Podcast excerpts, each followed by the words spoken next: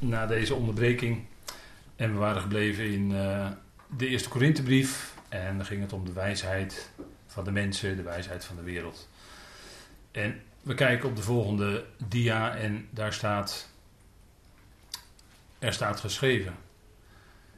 En dat is de tekst die we voor de pauze aanhaalden uit Jesaja 29 vers 14. Ik zal de wijsheid van de wijze verloren doen gaan en het inzicht van de intelligente zal ik afwijzen.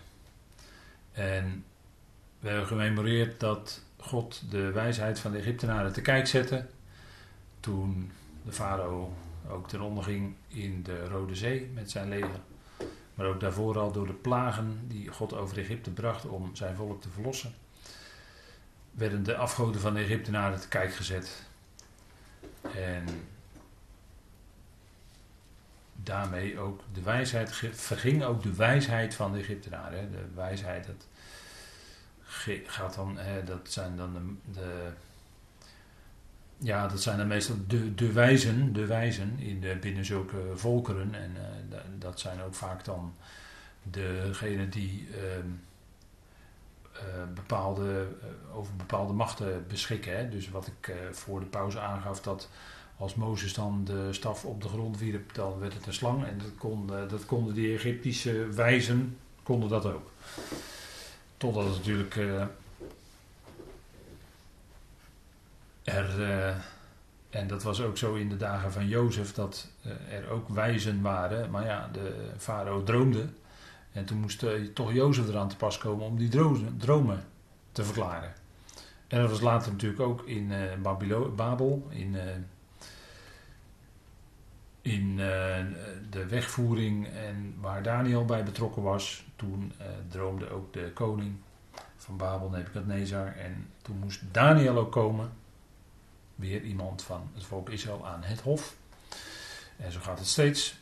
En die moest dan ook die droom verklaren. de droom van, die, uh, van, dat, van grote beeld en de grote steen die rolde van de berg af en die verpulverde dat hele beeld. Daniel 2 weet u wel. En uh, ja. Trouwens, in Daniel 2, Daniel 2 staat ook een mooi voedselvoorschrift. Daar, uh, ze aten niet van de lekkernijen van de koning, uh, Daniel en zijn drie vrienden, maar ze aten, en daar staat er, zaadrijk voedsel. Zaadrijk voedsel. En dat is toch een punt hoor. Niet dat u op een zaaddieet moet gaan, dat, dat zeggen we natuurlijk helemaal niet. Maar toch blijkt dat uh, zaden en zaadrijk voedsel, dat het toch heel gezond is. En uh, ja, er zijn natuurlijk heel veel zaden die, uh, die gewoon heel gezond zijn voor de mens. Dus het is nog niet zo gek. Het is nog niet zo gek. En ze dronken ook water. Dat is ook niet zo gek. Mens kan best wel ook dagenlang zonder voedsel, maar niet zonder water hoor. Dat, zonder vocht water kun je niet lang.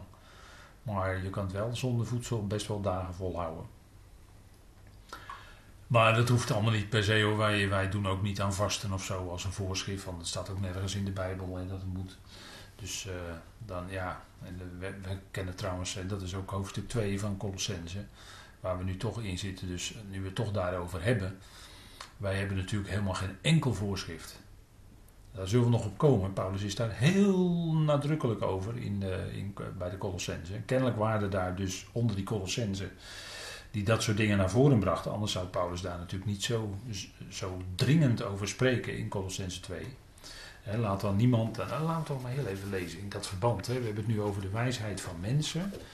En vaak gaat met de wijsheid van mensen komt er ook traditie mee. En dan komen ook weer de voorschriften mee. En dan, ja, en mensen die, hè, dat hoor je soms van mensen die, die dan jaren en jarenlang in een bepaalde geloofsgroep hebben gezeten of in een kerk.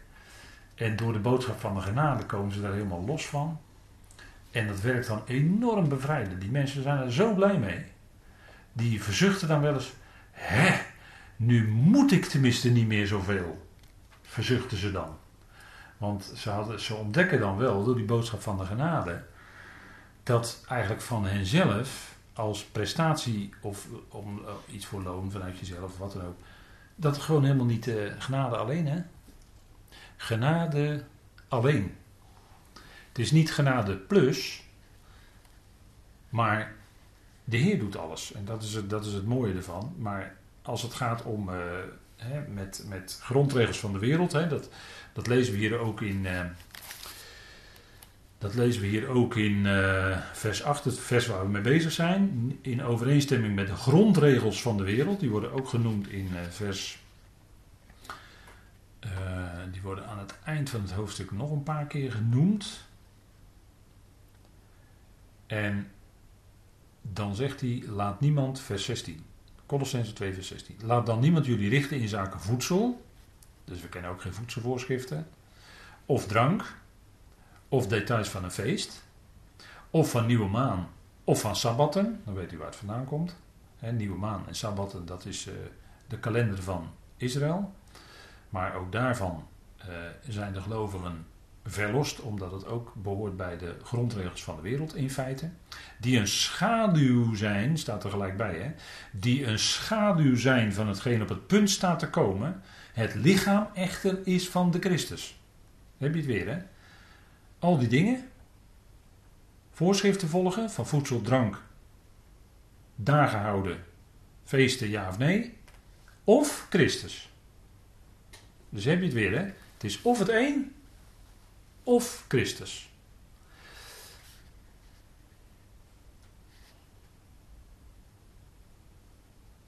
Vers 20 zegt, noemt Paulus ook die grondregels. Indien jullie dan tezamen met Christus afstierven aan de grondregels van de wereld, waarom laten jullie je als levenden in de wereld onder inzettingen plaatsen? Dat je niet zal aanraken, of proeven, of zou beroeren wat alles tot bederf is door gebruik in overeenstemming met de voorschriften en leringen van mensen. Die, die zijn weliswaar een roep hebben van wijsheid in zelfgewild ritueel en in nederigheid en het niet sparen van het lichaam, van geen enkele waarde dan tot bevrediging van het vlees. Dus het punt is, als je dus meegaat in die inzettingen, dat je niet aanraakt, of de, je mag dat niet proeven, of je mag dat niet beroeren, of al die voorschriftenlering van mensen, als je dat gaat volgen, daarvan zegt Paulus, dat is dan alleen tot bevrediging van jouw eigen vlees. Meer is niet. En het wijkt dus af van Christus. Zoekt wat boven is, hè, gaat hij dan verder mee. Dus die grondregels van de wereld, heel sterk, hè, komt hij in hoofdstuk 2 daarmee. En het is of de grondregels van de wereld volgen, of met tradities of wat dan ook meegaan, of Christus. Het is het een of het ander. We hebben voor de pauze nadrukkelijk gelezen uit Galaten 5. ik denk dat, dat Paulus is daarin natuurlijk heel fel. En dat is uh, heel scherp. Dat, dat volgen wij. Hè? Wij volgen de apostel. Goed, gaan we naar de volgende dia. De, nou, deze dia blijft toch nog even bij hangen. Want God zal die geloofwaardigheid, God heeft die geloofwaardigheid van de Griekse wijsheid vernietigd, waardoor? Door het woord van het kruis. Het woord van het kruis, dat is het antwoord op Griekse filosofie. Op Griekse wijsheid, op de wijsheid van mensen. Het kruis, de gekruisigde Christus, maakt daar een radicaal einde aan. Dat hoort allemaal bij dat oude. Wat aan het kruis dus is weggedaan. Hè? Die hele oude mensheid is samen met Christus meegekruisigd. Ja, en vanaf dat moment, als je als gelovige wordt je dan bewust dat je dood bent voor de wereld. Je bent dood voor de wet. En je bent dood voor de zonde. Die drieslag. En daarmee zouden wij rekenen dat het zo is. Dat wij in de praktijk dat niet altijd voelen, is heel wat anders. Maar dat hoort niet voorop te staan, ons gevoel. Wij zouden rekenen met de feiten van het evangelie. En dat draait allemaal om zijn kruis en opstanding. En dat maakt dus een radicaal einde. De, de prediking, de boodschap van het woord van het kruis, de kruisiging van onze Heer, maakt een radicaal einde aan alle Griekse filosofie, aan alle filosofie van mensen, aan alle leringen van mensen, aan al wat, wat met die oude wereld te maken heeft. Want wij zijn in Christus een nieuwe schepping. Wij horen al bij die nieuwe wereld. In Hem. Dus ik zou het ook heel kort kunnen zeggen. Wat zit je dan toch allemaal te, te, te, met, met, met, met het oude nog mee te sjoemelen en te, te, te, te doen? dat, dat, volgen van voorschriften van mensen, van rituelen, van allerlei geboden en verboden, van het houden van daar. Hoort allemaal bij die oude wereld. Het is allemaal weg. Weggedaan voor ons. Zo zouden we rekenen. En dan zeggen ja, maar ik zie het nog wel overal om me heen. Ja, dat kan wel, maar dat is dus nog van dat oude allemaal. Dat hoort allemaal bij die oude schepping. Bij die oude wereld. En die is echt gedoemd te verdwijnen. Dat, dat is een zekerheidje ook. dus, dat, is, dat is eigenlijk voor ons al een feit. Hoewel het nog toekomst is, want die hele oude schepping die zal vergaan door vuur, zegt Petrus. En dan komt er een nieuwe schepping. En wij hebben al in Christus deel aan die nieuwe schepping, aan die nieuwe wereld. En aan, aan Christus, die is opgewekt. Dat was de eersteling van een nieuwe schepping. Daar hebben we deel. We hebben deel aan Hem. En, en we zijn dan ook, dat is het, eh, een van de volgende versen, we zijn dan ook compleet gemaakt in Hem. En wat zit je dan te doen alsof je nog niet compleet bent? Zo kan ik het ook zeggen. Nou, wijsheid van mensen, dat gaat aan de kant. De Heer maakt daar, eh, God maakt daar een eind aan. Net zoals hij de wijsheid van de Egyptenaren vernietigde, heeft hij in feite, door de kruising van onze Heer, heeft hij alle wijsheid van mensen al te kijk gezet en in feite al weggedaan, vernietigd. Maar die oude mens is heel taai. Die blijft nog heel lang doorsudderen met die wijsheid van de wereld. De ongelovige mensen die houden helaas geen rekening met God, vaak. En die blijven dan bezig met die wijsheid van de wereld. Om dan misschien na een heel leven te ontdekken van waar ben ik toch mee bezig geweest. Sommigen die komen tot op, op hun sterfbed tot die ontdekking. Waar ben ik mijn hele leven toch mee bezig geweest? Met niets, ja inderdaad, met niets. Wijsheid van de wereld heeft namelijk, en dat is een van de grote punten waar de filosofen nooit van zijn levensdagen uitkomen. Kijk, ieder mens gaat een keer dood. Daar kan je, daar kan je natuurlijk lang over filosoferen of kort, maar er komt een keer een einde aan. En Prediker zegt al dat het graf het, de grote gelijkmaker is. Hè? Degene die in zijn leven miljardair was en, de hele wereld dacht naar zijn hand te kunnen zetten. Als hij in het graf ligt, dan ligt hij misschien wel naast een, een arme die nooit een cent te makken heeft gehad. Ja, een doodshemd heeft nou helemaal geen zakken, dus je kan niks meenemen. Dat dachten die Egyptenaren wel. Die hadden allemaal van die, uh, die farao's hadden allemaal van die uh, kostbaarheden in die sarcofagen uh, troffen ze aan. Maar die konden, het was natuurlijk ook vast. Dat konden ze natuurlijk ook niet meenemen. Maar men heeft geen antwoord op het probleem van dood. En men heeft ook geen antwoord op het probleem van de zonde. Want je kan natuurlijk aan de mens van alles gaan zitten sleutelen. Op allerlei manieren. Door allerlei trucs en door allerlei dingen om die mens toch maar op, een beetje op het goede spoor te houden en niet te laten zondigen. Maar ja, elke keer blijkt toch wel, ja, de mens is een zondaar. Aan een appelboom groeien nou eenmaal appels. En geen peren. Dus de mens is een zondaar. Wat produceert hij dan? Zonden dus. Dat kan niet anders. Dat is gewoon natuurwet. Heb nog nooit een appelboom gezien die peren produceert. En ook niet andersom. Dat kan niet. Daar heeft de filosoof geen antwoord op. God wel. God heeft het antwoord gegeven op het probleem. Voor ons is het een probleem, voor God niet. Maar op het probleem van de zonde en van de dood. Dat is de gekruisigde Christus. Die is opgewekt. Vandaar Christus. Wij prediken een gekruisigde Christus. Want hij is opgewekt, dus we noemen hem Christus. Voor de Joden een valstrik. Want maakt een einde aan hun religie. Voor de Grieken dwaasheid, want maakt een einde aan hun filosofie. En dat is het antwoord ook. Daar zitten alle antwoorden in. Daar zit ook het antwoord in van de schepping. Waar komen wij vandaan? Nou, van de schepping. Dat heeft alles met Christus te maken hoor. In hem, dat was hoofdstuk 1 van Colossense. In hem, in de zoon van zijn liefde, is het al geschapen.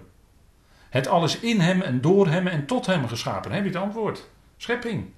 En wat zit je nou te klooien met evolutie? Theorie. Het is nog steeds theorie, hè? Geen bewijzen voor evolutie gevonden hoor. Geen harde wetenschappelijke bewijzen. Ze zijn er niet. Gods woord spreekt wel over Christus. Dat in hem alles is geschapen. En heb je ook gelijk het antwoord, want het gaat ook naar alles toe. Hè? Alles gaat ook naar hem toe, want door hem.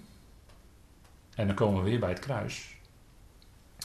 Door hem is vrede gemaakt door het bloed van zijn kruis. En door hem wordt het al wederzijds met God verzoend. Dus heb je ook het antwoord. Christus is dus het antwoord op alles.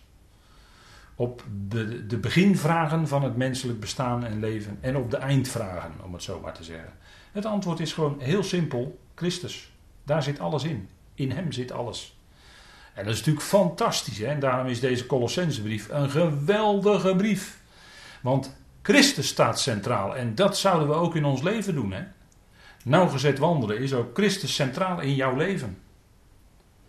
En ja, dan, dan is het tot eer van Hem. Dan is het tot eer van Hem. En, daarin zitten de antwoorden. De antwoorden. En, en uh, Hij heeft geleden want het is helemaal geen makkelijke weg geweest. Het kruis, dat is helemaal geen makkelijke weg. Hij heeft geleden en hij heeft in zijn aardse leven geleden. Niet alleen aan het kruis, maar daarvoor heeft hij ook zwaar geleden onder alles wat hij om zich heen zag bij zijn, bij zijn tijdgenoten. Hoe die zondigde, hoe die afweken van God en noem alles maar op. Daar heeft hij ook onder geleden. En de weg die hij moest gaan, dat hij vaak de geestelijke stenen naar zijn hoofd kreeg, dat hij de synagoge uitgegooid werd. Dat ze aan het begin van zijn bediening al bijna van die stijlte, weet, weet u wel, bij, eh, bij Nazareth had hij gesproken uit Jezaja, wilden ze van die stijlte afgooien. Daar begon het al mee. Nou, dat is lijden hoor. Als je door de zijnen, hè, hij werd door de zijnen niet aangenomen, hij werd verworpen. Dat is een weg van lijden geweest. En hij heeft in dat lijden onder sterk geroep en tranen, tranen, staat daar in het meervoud, heeft hij tot God vaak geroepen. Gebeden, geroepen. Dus het was geen makkelijke weg. Maar we hebben wel in hem het antwoord. Hè? Als we kijken naar de moeilijke dingen in ons leven. En die, die, die, die, die kunnen we niet bagatelliseren. Er zijn voor veel mensen hele moeilijke perioden en dingen in het leven. Soms moeten mensen, eh, laatst las ik nog een overlijdensbericht van al jaren terug van een broeder in Amerika die al jaren en jaren terug is overleden. Maar er was een heel kort overlijdensberichtje en dat trof mij, want er stond zo dat hij zijn Heer loofde en prees en hij zat 40 jaar in een rolstoel. Ja, daar zit je dan toch even, daar zit je dan even. Dan denk je dan over na. Ja, ja, dat gebeurt dus met mensen, ook gelovigen. En er stond niet bij hoeveel pijn die gehad heeft, maar ongetwijfeld. Hij deed dan een spierziekte of zoiets. Ongetwijfeld heeft die broeder veel pijn gehad. 40 jaar in de rolstoel gezeten. Alsjeblieft. En dan toch de Heer loven en prijzen. Ja, dat kan. Dat kan. Dat is iets wat God doet. Dat is iets wat God doet in een mensenleven. dat zijn indrukwekkende dingen, vind ik. En dan zal ook blijken voor die broeder dat het lijden niet voor niets is geweest. Als hij de heerlijkheid gaat ervaren in de opstanding. Dat zal natuurlijk fantastisch zijn. Dan is lijden voor altijd voorbij.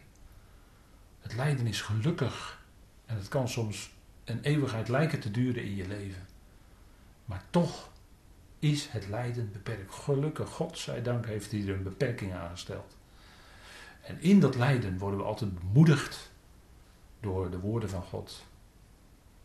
En beseffen we, vader, nee vader, ik heb pijn, ik heb veel pijn. Het is moeilijk, ik voel me zwak. Maar toch ben ik ervan overtuigd dat u me lief hebt. En dat u het niet verkeerd doet in mijn leven. Als je zo ver kan komen als gelovige, dat is heel wat. Wat. Dat is niet aan iedere gelovige misschien gegeven. Maar ik denk toch dat daarin die weg zit kunnen overgeven aan vader. Het accepteren zelfs van, van God uit zijn hand. Dat kon Joni op een gegeven moment ook. En die is helemaal veranderd. Dat is een enorm getuigenis, hè, Joni. Die zei allemaal dingen en dan denk je van ja, jij kan het zeggen. Jij hebt een, leven vol lijden. En dan toch God danken, Hem loven en prijzen. Ja, dat kan. Dat kan. En de Heer is ook zo weggegaan van lijden onder sterk geroep en tranen, want dat is het ook vaak. Voordat je komt tot, ja vader, maar niet, uh, niet, niet wat ik er wil, maar wat u wil. En dat is toch een hele weg hoor. En Christus is ook die weg gegaan van lijden. En vandaar dat uh, hij daarin ook het voorbeeld is voor ons. Goed, hij is het eh, complement, hè? hij is centraal in deze Colossensebrief. Het draait om het geheimenis van Christus. En dan staat er in Colossense 2, vers 9. Hè, we spellen de woorden, maar het is, het is zo'n geladen tekst. Want in hem, staat er, woont het hele complement van de Godheid lichamelijk. En een complement is datgene wat compleet maakt. Want u zegt, ja, wat staat hier nou eigenlijk? Wat betekent dat nou allemaal? Uh, nou, dat betekent, dit betekent heel veel wat hier staat. Het complement is datgene wat compleet maakt. Hè? Het, het, datgene wat ontbreekt wordt eraan toegevoegd en dan is het compleet. Hè, als ik dit glas water hier heb, dan is dat nu uh, zo'n beetje half vol nog. Maar als ik het nou helemaal vol giet met water, dan is dit deel is het complement totdat het glas vol is. En dan is het vol. Dus dat laat, datgene wat erbij gedaan wordt totdat het compleet is, compleet vol, dat is het complement. En dat is maar een simpel voorbeeldje natuurlijk, maar dat is wat, dat is wat compleet maakt. En dan gaat het hier natuurlijk over geestelijke dingen. Hij is het complement van de Godheid. En de Godheid, dat is niet uh, Christus, maar dat is van God. De Godheid is dat wat van God is. En dat was onzichtbaar. God is onzichtbaar voor ons, voor de schepselen. En Christus is dan het beeld van de onzichtbare God. Hij is ook het woord. Hij is ook bijvoorbeeld de middelaar. Dus al wat God, als het ware, en dat is misschien raar om te zeggen, maar al wat de Godheid ontbreekt om zich bekend te kunnen maken aan de schepselen, aan ons, dat vult Christus in. En zo is hij het complement van de Godheid. En zelfs wordt hier gezegd, in hem woont het hele complement van de Godheid lichamelijk. Dus we moeten even scherp lezen hier, want vaak wordt dat, uh, u, u, zal het misschien wel eens tegen kunnen komen in gesprekken. maar als iemand uh, een, uh, niet, niet duidelijk heeft hoe dat nou zit met God en Christus, dan wordt de vraag wel eens gesteld van ja, hoe denken jij of hoe denken jullie, hè, wordt er weer gelijk tegen de groep aangekeken. Hoe denken jullie nou over de godheid van Christus? Verkeerde uitdrukking, sorry. Dat is de verkeerde uitdrukking, de godheid van Christus, want dat is nou net ernaast. Hier staat dan ook dat in hem het hele complement van de godheid lichamelijk woont. Dus hier wordt gesproken over het feit dat hij het complement is. Dat is natuurlijk een beeldspraak.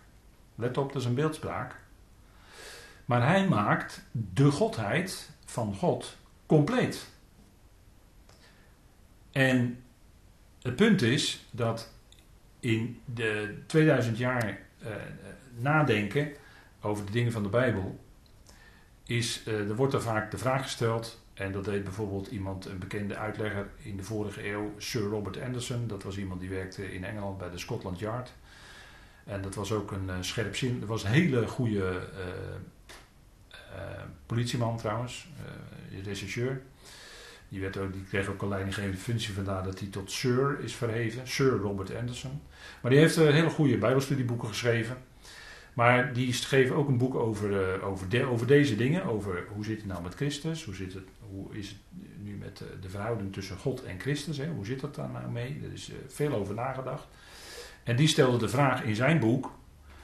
Um, dat voor, hij stelde dan zo de vraag of uh, de Heer Jezus hè, of Christus uh, nu uh, God is of mens. Maar dat is de verkeerde vraag. Sorry, maar dat is de verkeerde vraag.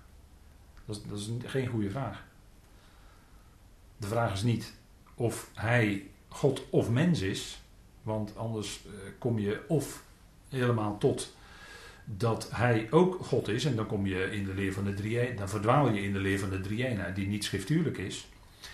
Of je gaat helemaal de andere kant op en je ontkent dat hij, ja, je ontkent dat hij met, met goddelijkheid en die dingen te maken heeft en dan maak je hem helemaal tot mens. En dat doen bijvoorbeeld de Jovas getuigen. Maar dat is dan weer een hele andere kant op. Dus die vraag is helemaal verkeerd. Het gaat erom dat we bijbels nadenken, hè, vanuit de schrift zien, wat nu precies zijn plaats is in Gods plan. En uh,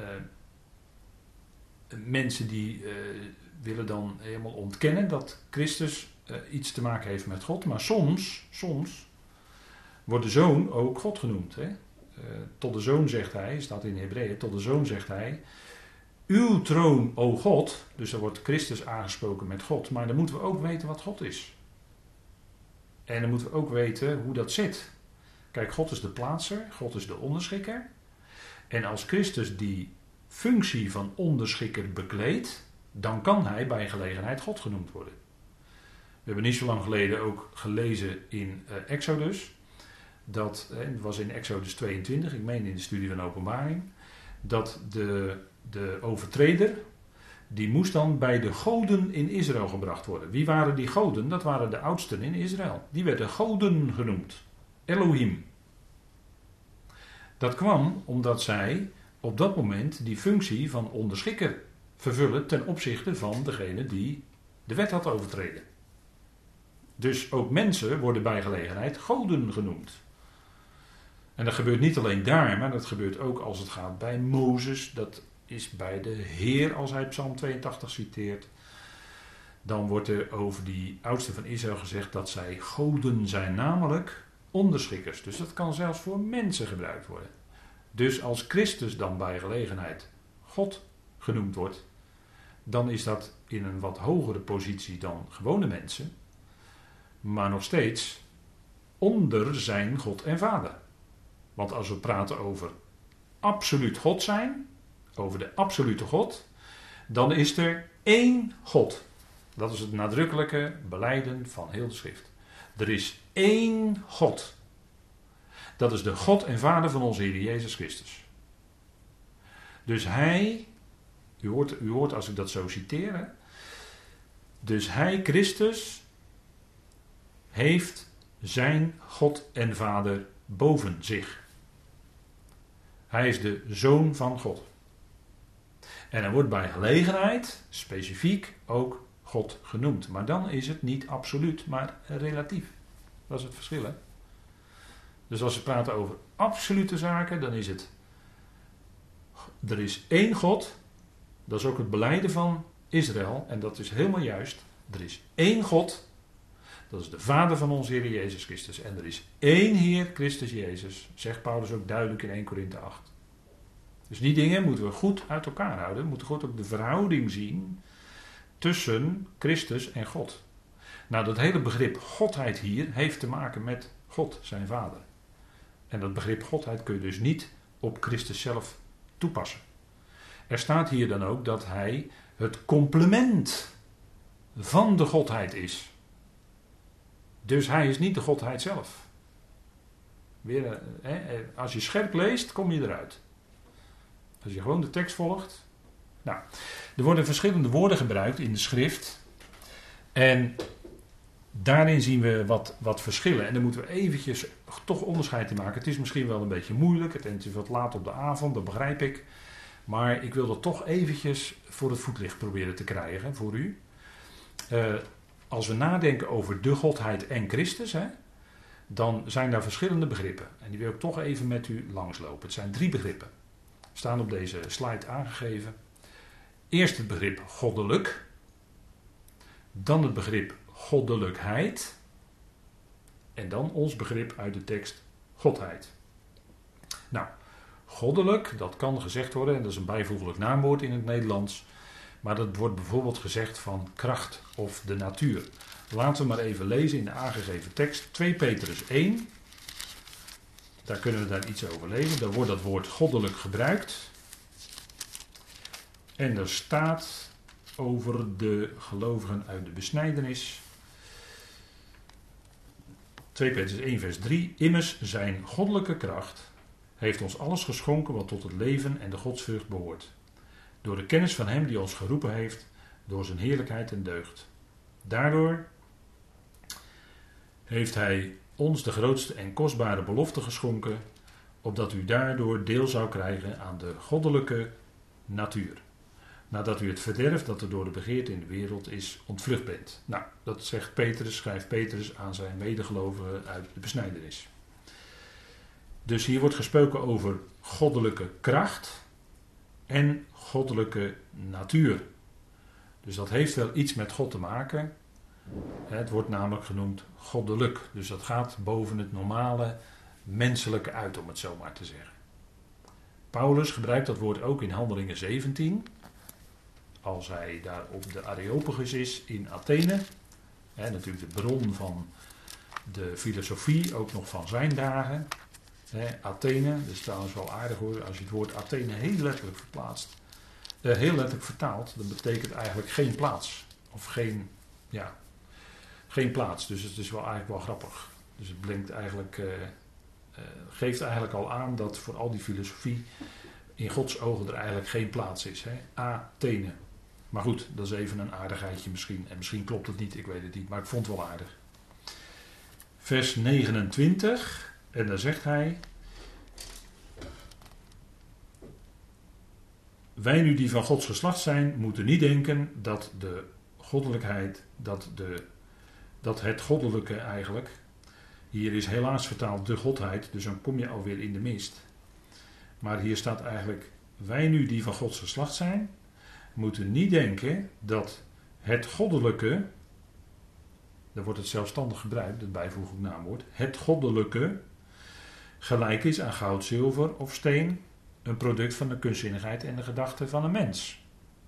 Dus zij, en hij zei dat natuurlijk naar aanleiding van dat, uh, die sokkel die hij daar zag aan de onbekende God. Hè. En dan zag natuurlijk alle talloze, hè, de Grieken die hadden een heel pantheon, hè, die hadden een heel firmament aan afgoden met de Zeus en, en weet ik wat allemaal. Ik zal u er niet mee vermoeien hoor, met uh, uh, hè, dat, de Olympus en, en noem maar op, Olympische Spelen dat het e- eigenlijk in een heel bepaald, bepaald kader staat enzovoort. Dat is allemaal, allemaal niet, zo, niet zo boeiend. Maar hij zag dat natuurlijk, Paulus wist dat natuurlijk allemaal, maar hij heeft het hier over het goddelijke. En hij maakt er juist verschil in tussen wat de mens heeft bedacht en wat ze dan heel mooi gemaakt hebben. En daarmee probeerden ze iets uit te beelden van wat zij dachten wat goddelijk is. En Paulus die haalt daar een streep doorheen, doordat hij zegt: je moet niet denken dat het goddelijke gelijk is aan goud, zilver of steen. mensen zijn geneigd om afgodjes te maken van goud, zilver en steen. En die zetten ze dan thuis ergens eh, in een, uh, in een nisje. En dan brengen ze dan uh, spijsoffers aan en noem alles maar op. En wier ook branden en noem maar op. Hè. Dat is allemaal natuurlijk... ja, het zijn eigenlijk nietsen waar ze dan mee bezig zijn. Paulus zegt dat het nietsen zijn. Goed, dat is het goddelijke. Dus dat gaat wel boven het menselijke uit. En dan goddelijkheid, dat is ook een bekende tekst in Romeinen 1, vers 20. Gebruikt Paulus het woord goddelijkheid. Dus dat heeft te maken met wat meer aspecten die met het goddelijke te maken hebben. Uh, Romeinen 1, vers 20, er staat: Want de dingen van Hem, dus van God, die onzichtbaar zijn, worden sinds de schepping van de wereld uit zijn werken gekend en doorzien. En zijn, en er staat er letterlijk, onwaarneembare kracht en goddelijkheid. Zodat zij niet te verontschuldigen zijn. Dat is natuurlijk prachtig, hè? Het, uh, het, het, het, het uh, wat je ziet in de schepping. Hè? Wij hebben thuis vaak op de televisie uh, natuurdocumentaires. Hè? Je hebt zenders die, die zenden 24 uur per dag natuurdocumentaires uit. En ehm, dat is eigenlijk wel mooi, want als je dan opkijkt, dan zie je, nou ja, dan zie je allerlei vogels. Of je ziet roofvogels, of je ziet slangen, of je ziet buffels, of je ziet olifanten lopen. En er wordt dan van alles over verteld. En je ziet soms de meest opmerkelijke dingen, dat je denkt van? Hoe kan dat allemaal? En als je dan erover nadenkt, dan denk je van, ja, kijk, dat zit allemaal zo in elkaar. En hoe dieren zich dan uh, uh, voortzetten. Hè? De, een koningin die dan zoveel eitjes legt en dan ontstaat er weer een hele, een heel nieuwe bijenkolonie uit of mierenkolonie of wat dan ook. En dat vermenigvuldigt zich allemaal en die mieren doen allemaal hun werk en, en, en ze hebben allemaal een soort, eh, dan zeggen ze ja, ze hebben allemaal een soort instinct. Hè? En dan wordt er doorheen gewauweld over evolutie. Nou ja, dat sla ik dan maar over. Maar ik denk dan van, wat ongelooflijk dat God dat als schepper zo gemaakt heeft allemaal dat het allemaal zo werkt, dat het allemaal zo wonderlijk in elkaar zit. En alles in de natuur heeft elkaar nodig en, en profiteert van elkaar en kan zich dankzij elkaar voort, voortplanten en voortzetten. En dat zit allemaal zo wonderlijk in elkaar. Die, die, en hoe dieren dan in een mooie symbiose met elkaar kunnen leven. En, nou, fantastisch, fantastisch. En wat zien we daarin? Daarin zien we van God zijn onwaarneembare kracht en goddelijkheid. Want een mens kan dat niet kopiëren, dat is niet mogelijk. de mensen die, eh, die in hun enorme waan en in hun enorme hoogmoed Ik weet nog dat er jaren geleden een programma was op de VPRO. Dat was natuurlijk VPRO, dus het was provocerend bedoeld. Dat, dat programma heette Beter dan God. Misschien kunt u zich dat nog herinneren. Het was een programmaserie. En dat ging allemaal over wat men allemaal dan kon met de, vanuit de reageerbuizen. Wat, de, wat, eh, wat men dan kon in, eh, op technisch gebied allemaal. En, en eh, hele knappe wetenschappers en noem maar op. Hè. En dat noemden we dan op die manier. Was lekker provocerend, maar de mens is natuurlijk niet beter dan God. Komt nou toch. De mens is gewoon zelf ook een schepping. En die probeert zich misschien wel in een enorme waan boven God te verheffen. Maar dat kan natuurlijk helemaal niet. God hoeft maar dit te doen. En de hele mensheid is er niet meer. Kijk, dat, dat, dan praten we in de juiste verhouding. Hè? En de mens is niet in staat om die creativiteit aan de dag te leggen die wij in de natuur zien van God. Dat is, dat is zo magnifiek. Dat is zo'n enorme lofprijzing aan die grote schepper die wij mogen kennen. Daarin zien wij zijn onwaarneembare kracht, want alles heeft levenskracht in de natuur. En waar komt dat vandaan? Ja, dan kun je het natuurlijk uit elkaar gaan halen in moleculen, in atomen, in ionen, in protonen, in quarks en noem in kwantummechanica. Weet ik wat allemaal. De kleinste deeltjes die we belangen aan niet kunnen zien. Zo knap zijn we tegenwoordig. Maar die kracht die alles in stand houdt, dat heeft alles met Christus te maken. Daar heeft men geen verklaring voor. Stephen Hawking die dacht dat hij een alomvattende verklaring had voor hoe het in het allemaal functioneert. Maar hij rekende zonder God, terwijl zijn vrouw gelovig was. Maar hij rekende zonder God. En daardoor kwam hij niet verder dan tot een bepaald punt. Hij kon niet verklaren waar nou die kracht vandaan kwam. u kent dat visje toch wel, van uh, eerst was er niets en het ontplofte ook nog. Nou, dat kan natuurlijk niet, dat is absurd. Nee, alles is uit God. God heeft alles geschapen, daar komt het vandaan. Dat was die, wat men zegt, de oerknal. Nee, helemaal geen oerknal, dat was de oorspronkelijke schepping. Dat heeft God gedaan. Daar komt het vandaan. En dat kunnen ze niet verklaren natuurlijk, als ze niet de Bijbel lezen. En hier heb je natuurlijk het antwoord op de vragen van alle filosofen en wetenschappers die uh, atheïstisch zijn. Het antwoord staat allemaal hierin. Dan ben je klaar. Maar dat is wat wij dus zien. Maar het punt is, en daarom uh, dwalen zij rond in duisternis, zegt vers 21, want zij hebben, hoewel zij God kennen, hem niet als God verheerlijkt of gedankt. Dat hebben ze niet gedaan. En dan wordt het duister in je hart. Maar zij zijn verdwaasd in hun overwegingen en hun onverstandig hart. Hun onverstandig hart, want het heeft wel degelijk met het hart te maken, is verduisterd geworden. En pas als het licht van God daarin aangaat, ja, dan ga je het herkennen. Nou goed, dat is het tweede woord, het tweede begrip, goddelijkheid. Zien we in de natuur. Fantastisch, fantastisch. En hoe een mens in elkaar zit. En de wetenschappers hebben nog geen idee wat het bloed van de mens allemaal inhoudt en wat het allemaal doet. Ze zeggen dat ze nog maar. Ze weten al heel veel, maar ze zeggen dat ze nog maar een heel klein beetje weten van het bloed. Nou, dan hebben we nog één aspect: bloed van de mens. Weet men nog maar heel weinig van. Wie heeft dat in elkaar gezet? God. Ja, natuurlijk. Kan toch niet anders. God is de schepper van alles. Hij is de bron. En dan uh, goed, goddelijkheid. Hè, dat zien we allemaal terug in de natuur. Dat is fantastisch. De godheid, dan komen we bij het derde begrip, godheid. Dat is alles wat van, met God te maken heeft. Wat van God is, wat van God zelf is. En Christus maakt dat bekend doordat hij het beeld is. Hij was in de vorm van God. Hij heeft dat afgelegd. En hij is het woord van God. En hij is de middelaar tussen God en mensen. Hij maakt God bekend. Dus in hem woont het hele complement. Om het naar de schepping toe allemaal duidelijk te maken, naar ons toe.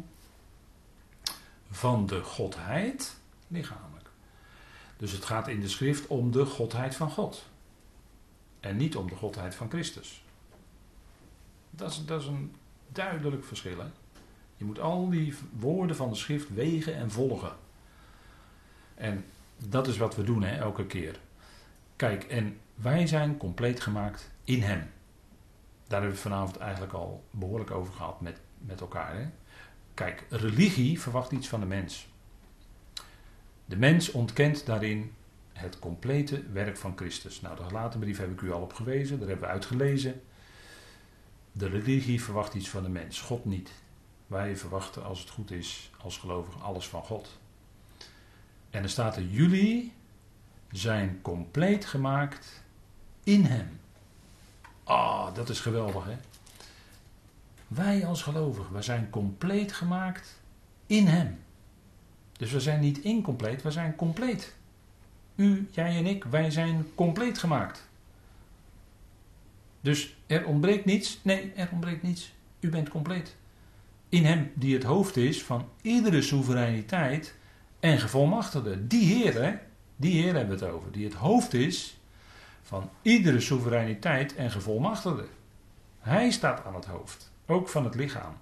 Hij bestuurt het lichaam. Hij stuurt het lichaam dus. En dat kunnen we niet van hem overnemen. Nee, hij doet dat. Jullie zijn compleet gemaakt in hem. Dan heb je geen religie meer nodig. Want je bent al compleet. Niets te doen, o zondaar, nee. Niets te doen, o gelovige, nee. Inderdaad, zo is het. Je bent compleet in hem. En als dat besef tot je doordringt. Oh, wat een geweldige rust heb je dan, hè? Wat een geweldige rust. Kijk, Christus zei: Het is volbracht. En toen was het ook klaar. Toen was het ook volbracht. Die woorden zouden we geloven. die zeven kruiswoorden zijn allemaal geweldig. En dit is er ook een. Het is volbracht. Voltooid, verleden tijd in het Grieks. Abraham als onbesnedene, daarvan wordt gezegd, bij hem echter die niet werkt, maar gelooft. In hem die de goddeloze rechtvaardigt, wordt zijn geloof, dus niet zijn werken, gerekend tot rechtvaardigheid. Bekende woord, maar het is een geweldige tekst. Het zegt zoveel. En het heeft alles te maken met het feit dat wij compleet zijn in Hem. En in die zin worden van ons absoluut geen werken verwacht. We kunnen niets toevoegen. En dat is waar we dan vanavond mee eindigen. Jullie zijn compleet gemaakt in Hem. En als je dat beseft op deze late avond, dan ga je straks met een glimlach in je hart slapen. Want je zegt alleen maar: Dank u, Heer. Dat is wat dan automatisch in je hart opkomt. Ah, wat geweldig. Ik ben compleet in Christus. Dank u wel. Dank u wel. Jij, u, wij, we zijn in Hem compleet. Dat is ons geweldige geestelijke bezit, onze geweldige geestelijke rijkdom. Alles is in Christus. Geweldig, hè? Nou, zullen we daarvoor de Heer danken. Vader, wij danken u aan het eind van deze avond dat we u mogen danken. U alle lof, eer en dank mogen brengen. Het is allemaal van u, Vader. Wij zijn van u. De hele schepping is van u. We hebben er vanavond besproken over nagedacht. Ook in het boek van de natuur zien we u kracht. Zien we uw goddelijkheid. Vader, en ook in de schrift zelf, het boek wat u aan ons gegeven hebt, zien we uw godheid. Vader, dank u wel dat we deze dingen met elkaar mochten overwegen vanavond. Vader, en dank u wel dat het leidt tot lof, eer en dank, aanbidding aan u. U bent het die het alles bewerkt. We zijn in Christus rijk gezegend, Vader, en we zijn compleet. Ah, Heer, we danken u daarvoor. Dat is zo geweldig. We danken u, dank u dat u ons dat gegeven hebt, dat het genade is. Vader, dank u wel voor die liefde van u, dat u zo naar ons toe bent gekomen. In en door uw zoon maakt u zich bekend. Vader, dank u wel voor dat rijke woord van u. Dat we tekst voor tekst mogen opzamelen uit deze rijke brief. Vader, dank u wel dat we uitzien naar de terugkeer van uw zoon als hij komt in de lucht en wij hem daar mogen ontmoeten. Vader, we danken u dat we uitzien naar ook wat u geeft. Ook voor de komende dagen weten we dat u ons nabij bent. Dat u ons vasthoudt en draagt. Vader, ook in deze tijd waarin het beperkt, nog wat verder beperkt is dan, dan enkele weken terug. Vader, dan dank u dat u in alles nabij bent. Dat we verbonden zijn in u en in u ook met elkaar. We danken u dat we u daarvoor alle lof, eer en dank mogen brengen. Vader, wij loven en prijzen u. En we danken u voor uw ondersteuning die u geeft ook in moeilijke omstandigheden. U bent ook in ons lijden heel dicht nabij. Dank u wel daarvoor. Dank u wel voor die liefde. In de machtige naam van uw geliefde Zoon, onze Heere Christus Jezus. Amen.